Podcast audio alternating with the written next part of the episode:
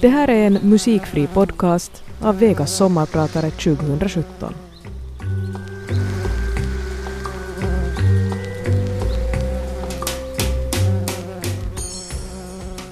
När bomberna skakade Belgrad och tycktes landa alldeles nära, när jag på kvällen kilade in de fördragna gardinerna mellan fönstret och stolarna för att undvika att glassplitter skulle flyga in i rummet, ja då insåg jag att krig är inte att sitta i ett bombskydd från krigets början och till dess slut. Det är att försöka klamra sig fast i vardagen, hur bräcklig den än är. Jag heter Yrsa Gryne och det är jag som är din sommarpratare idag. För ett par år sedan så deltog jag i en intressant diskussion i Sverige där man diskuterade om man som journalist ska skilja på sitt professionella jag och sitt personliga jag. Det finns inget entydigt svar på den frågan. För mig själv gäller att journalist är någonting av en livsstil. Eller för att citera vad Bjarne Nitovuori, en av mina tidigare kollegor på Husis, sa när han skulle gå i deltidspension. Det går inte att vara journalist på halvtid. För mig gäller det här. Jag hör till den hopplösa kategori av bottenlöst nyfikna människor som aldrig har kunnat låta bli att fingra på paketen under julgranen. Som aldrig har lyckats låta bli att också på semestern gripa tag i någonting som liknar en nyhet eller bara annars verkar väldigt intressant. Egentligen är det just nyfikenheten som har gjort att jag har skaffat mig språkkunskaper. Om jag blir såld på torget så vill jag åtminstone veta till vilket pris, brukar jag säga. Språk, alla språk, är viktiga redskap för det är genom orden som man tar till sig också en del av kulturen. Jag brukar säga att man behärskar ett språk när man förstår dikterna och vitsarna. Mina föräldrar placerade mig i de amerikanska katolska nunnornas lekskola på Ängelplatsen i Eira när jag var bara fyra år. Det var nog mammas intresse för språk som ledde mig från hemmet i de Sinebrykovska kvarteren i Rödbergen till lekskolan i Eira. Så jag lärde mig engelska när jag var fyra, tyska när jag var tolv, i Bullan, Svenska flicklyseet och i gymnasiet i samma skola så lärde jag mig franska. Spanskans tur kom under studietiden och det kyrilliska alfabetet i samband med jobbet. Också musiken blev en viktig del av livet, mycket tidigt. Och det har alltid varit orden som har varit viktiga, kanske inte särskilt långsökt med tanke på hur livet sedan blev.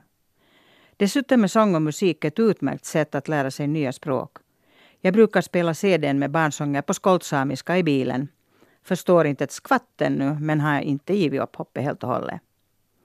Vi sjöng en hel del i lekskolan i Eira. Och när jag sen två år senare började i Tant Veras lekskola på Nylandsgatan blev det ännu mera sång och också medverkan i hennes lilla radiokör Smottorna varje onsdag.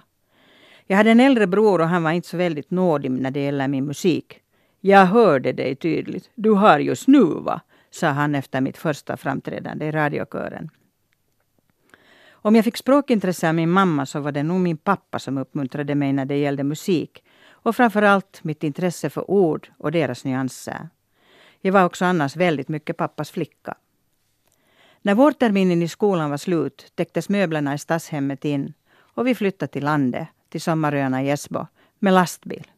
Jag minns att jag räknade sju broar innan vi var framme. Idag är det bara Drumsöbron och den sista, Svinesundsbro, som är urskiljningsbara. Resten är motorväg. Pappa och mamma hade köpt Felud, så hette stället, 1939 och vi hade det kvar i 50 år. Min bror var en ivrig seglare medan mina seglatser utsträckte sig till någon enstaka medverkan som gast i en snipe som hette Fiasko. Och vi kom alltid sist. Senare skulle jag segla en hel del, men det var i ett annat liv, i en annan tid. Men långt borta från vatten kan jag inte vistas allt för länge. Öppna havet är för mig frihetens symbol. Jag blir alltid lite nedstämd när isarna lägger sig och lite glad när de igen lossar. På sommaröarna uppmuntrades musikintresse. Vi hade i tonåren ett gäng som kallades Da Capo och vi höll till i ett garage som Lisa Tuomi, en gång mycket berömd skådis, hade donerat oss. Hon tyckte att det var väldigt pinsamt när hennes två döttrar och vårt gäng höll till vid Åmans kiosk vid busshållplatsen vid Skata vägskäl. Hängde, som våra föräldrar uttryckte saken. Lisa Tuomis dotter Aila hade dessutom en helt unik skivsamling.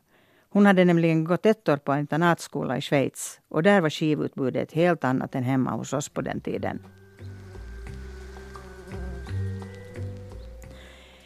I Da Capo uruppförde också Raul Wikström, eller Jim and the Beatmakers som han och hans band kallade sig som artister, sin låt My Only One. Vi hade faktiskt aldrig ens vetat att Ralle kunde sjunga och spela gitarr. Ja, och Ralle tror ju att han ska bli berömd, sa någon smått hånfullt. Men så blev det ju i alla fall, för My Only One spelas än idag. Tonåren sammanföll också med Beatlemania. Till Liverpool kom jag ändå först långt senare med gruppen 60 Singers som nu i nästan tio år har varit en källa till både glädje och vänskap för mig. Vi sjunger det mesta a cappella och främst är det låtar från 60-talet, i synnerhet Beatles. När vi framträdde i Liverpool 2009 under den årliga Beatles Week i augusti var våra trägnaste beundrare två damer som var i 80-årsåldern. De var urförtjusta i Those Young Boys som bara var kring 60. Jag själv vallfärdade naturligtvis till alla platser där de fyra Beatlarna någon gång hade bott och uppträtt. Cavern, The Jacaranda och naturligtvis Cashback Coffee Club. För dig som inte lyckas dechiffrera de här begreppen kan jag tala om att Beatles inte skulle ha funnits utan de här platserna. Och du ska absolut försöka ta den med i programmet om du åker till Liddypool. Under Beatlemania skulle ju inte flickor själva spela elgitarr. Flickorna skulle stå vid scenkanten och kasta beundrande blickar upp på storheterna. Någonstans måste bästa kompisen Sue Lemström och jag ha känt oss väldigt upproriska.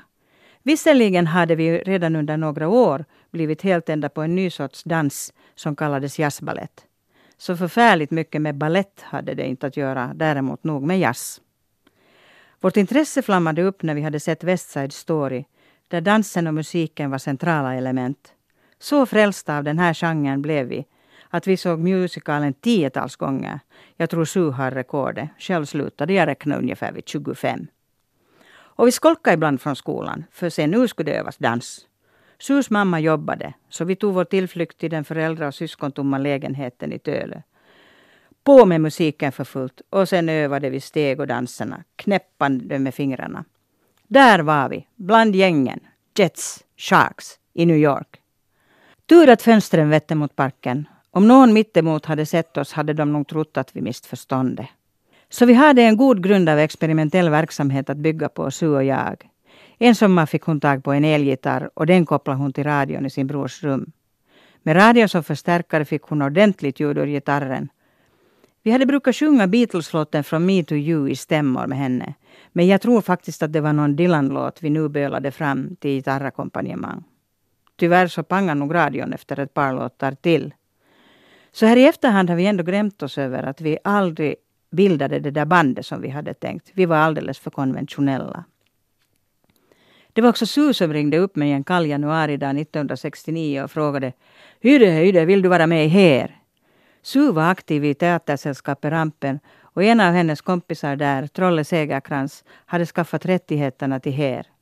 Gänget på rampen behövde fler långhåriga för här, så man hade börjat rekrytera sina kompisar. Jag svarade naturligtvis ja, men fullt så enkelt var det ju ändå inte. Det blev någon form av sång och dansprov som väl idag skulle kallas audition. Jag minns att jag själv sjöng en folklåt, Donovans Catch the Wind. Först var det meningen att vi skulle ha premiär på Floradagen i maj 1969. Men av olika orsaker blev projektet uppskjutet. Främst för att Svenska Teatern började intressera sig för oss. Vi började repetera i slutet av sommaren det året och det var väldigt intensiva repetitioner. Jag tror vi hade bara lördagkväll ledigt. Och då hade ju ändå nästan alla våra andra vänner tröttnat på att försöka hålla reda på våra tidtabeller. Så vi ordnade vanligen en fest tillsammans. Dessutom kunde vi ju spontant öva sångerna då också och lära känna varandra, vilket också var ganska viktigt. Vi var ett trettiotal unga. Förutom vi vanliga så att säga så fanns det också en österrikare, en holländare, ett par engelsmän och ett par amerikaner med i gänget. I november 1969 äntrade vi scenen på Svenska Teatern.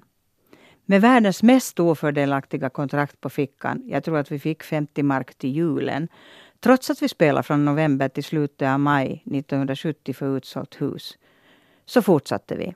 För det var inte pengarna som var det viktiga, utan kamratskapet och vår obändiga tro på vänskap mellan människorna och frihet för alla. Här skulle jag ändra de flesta av oss för alltid och stärka tidigare vänskapsband, band som håller än idag. Hippierörelsen var en begravd när vår här hade premiär.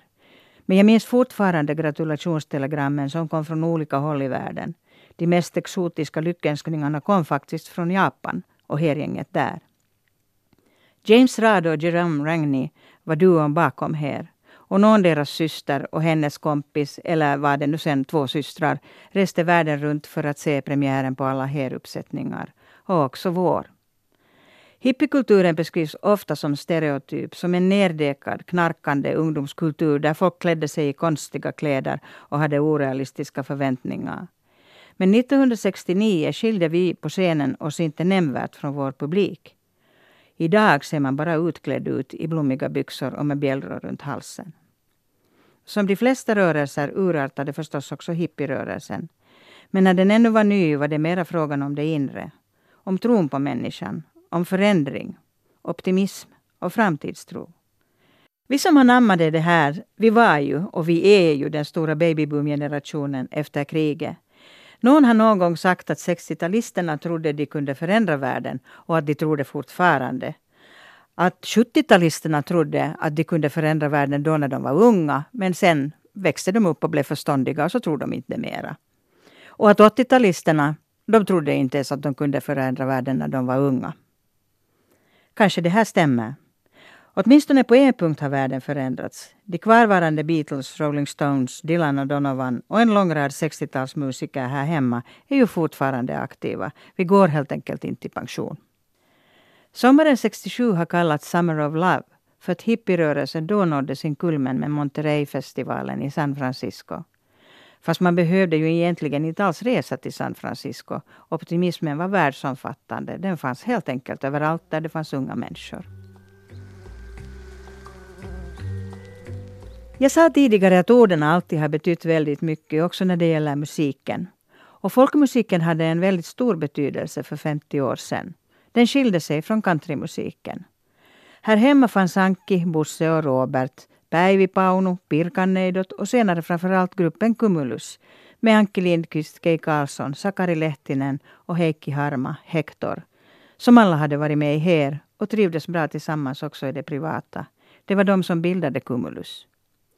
Senare byttes många av bandmedlemmarna ut, men gruppen var väldigt, väldigt populär hemskt länge.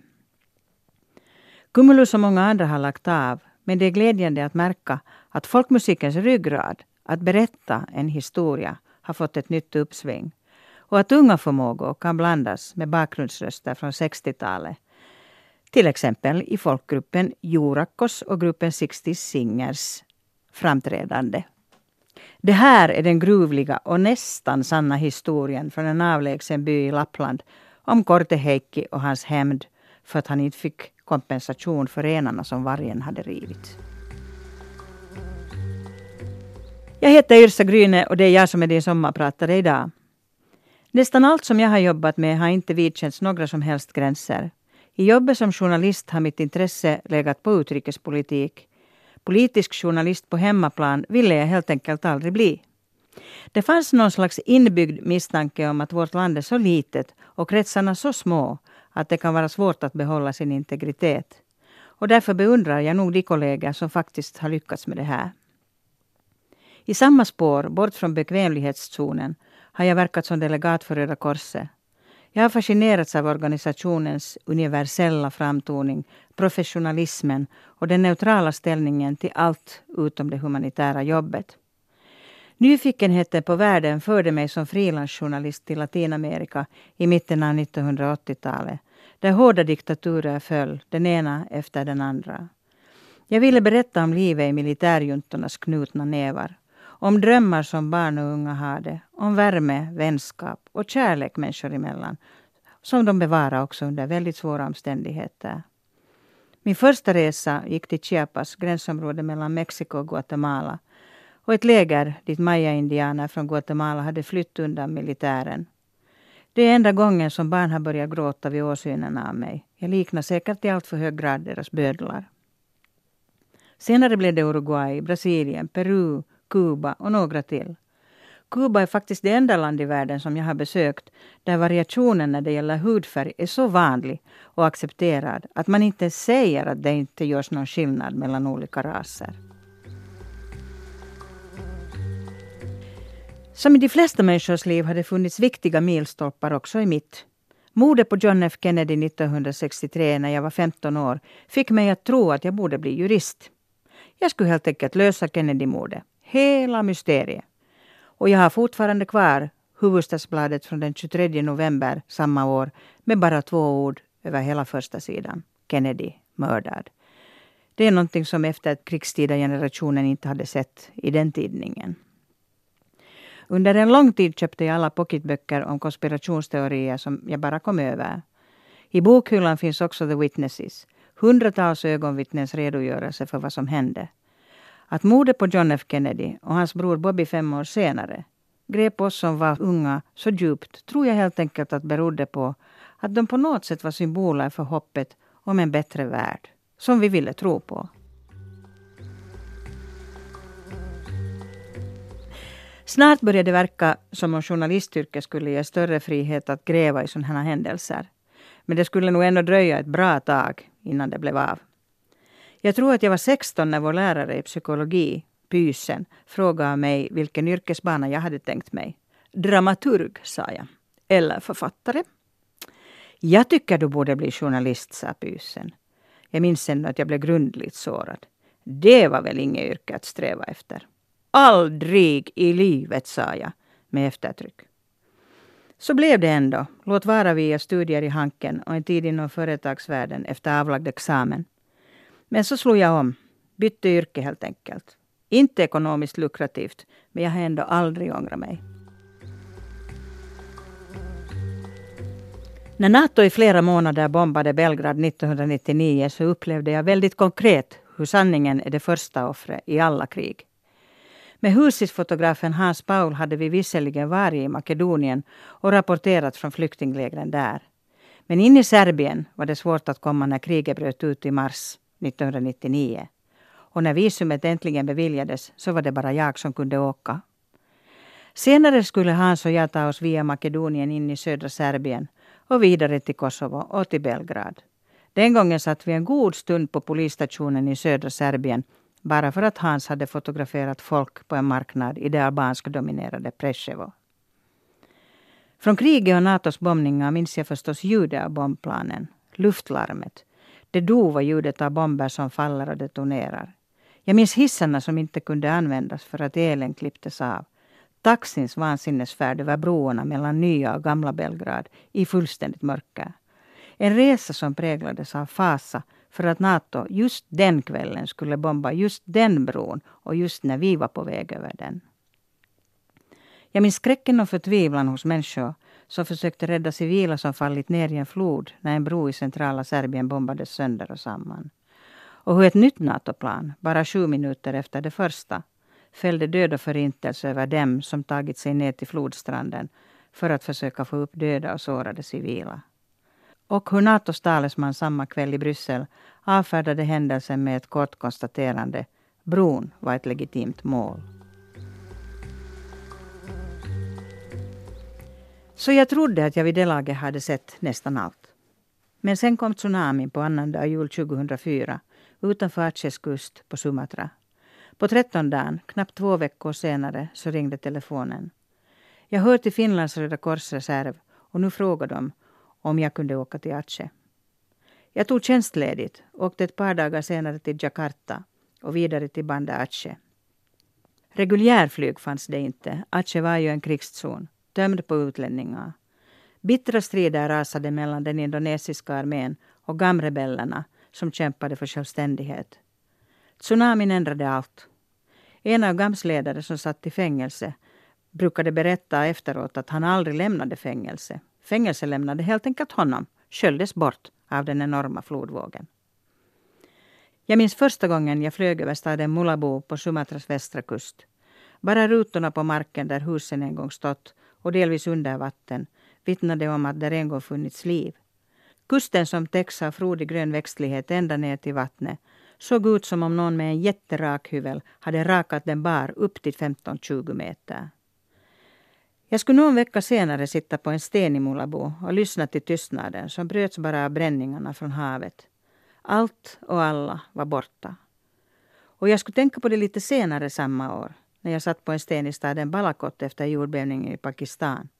Där fanns hur mycket folk som helst. som inte hade någonting alls. I Aceh var jag inte journalist utan mediedelegat. Men en japansk fotograf som hette Yoshi Shimizu följde vi med unga frivilliga Röda korsarbetare ut i djungeln.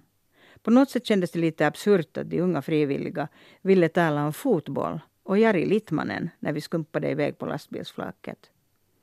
Iklädda vita skyddsdräkter och med gummistövlar på fötterna arbetade vi oss sedan framåt i dyn. Och den var så seg och så djup att man ibland måste ta tag med båda händerna i stövelskaftet för att få upp foten. Framför oss bredde sig hela tragedin ut i sin nakna sorgsenhet. En solkig CD-skiva, ett identitetskort, ett barns docka. Allt sköljt i land från någonstans längre bort. De frivilliga arbetade målmedvetet, letade reda på döda, fäste dem vid en käpp som de bar på sina axlar, mellan sig och tog sig fram genom dyn till en uppgrävd grop som blev de här kropparnas grav. Flyktigt for det genom min hjärna att man borde ju ta DNA-prov på varenda en.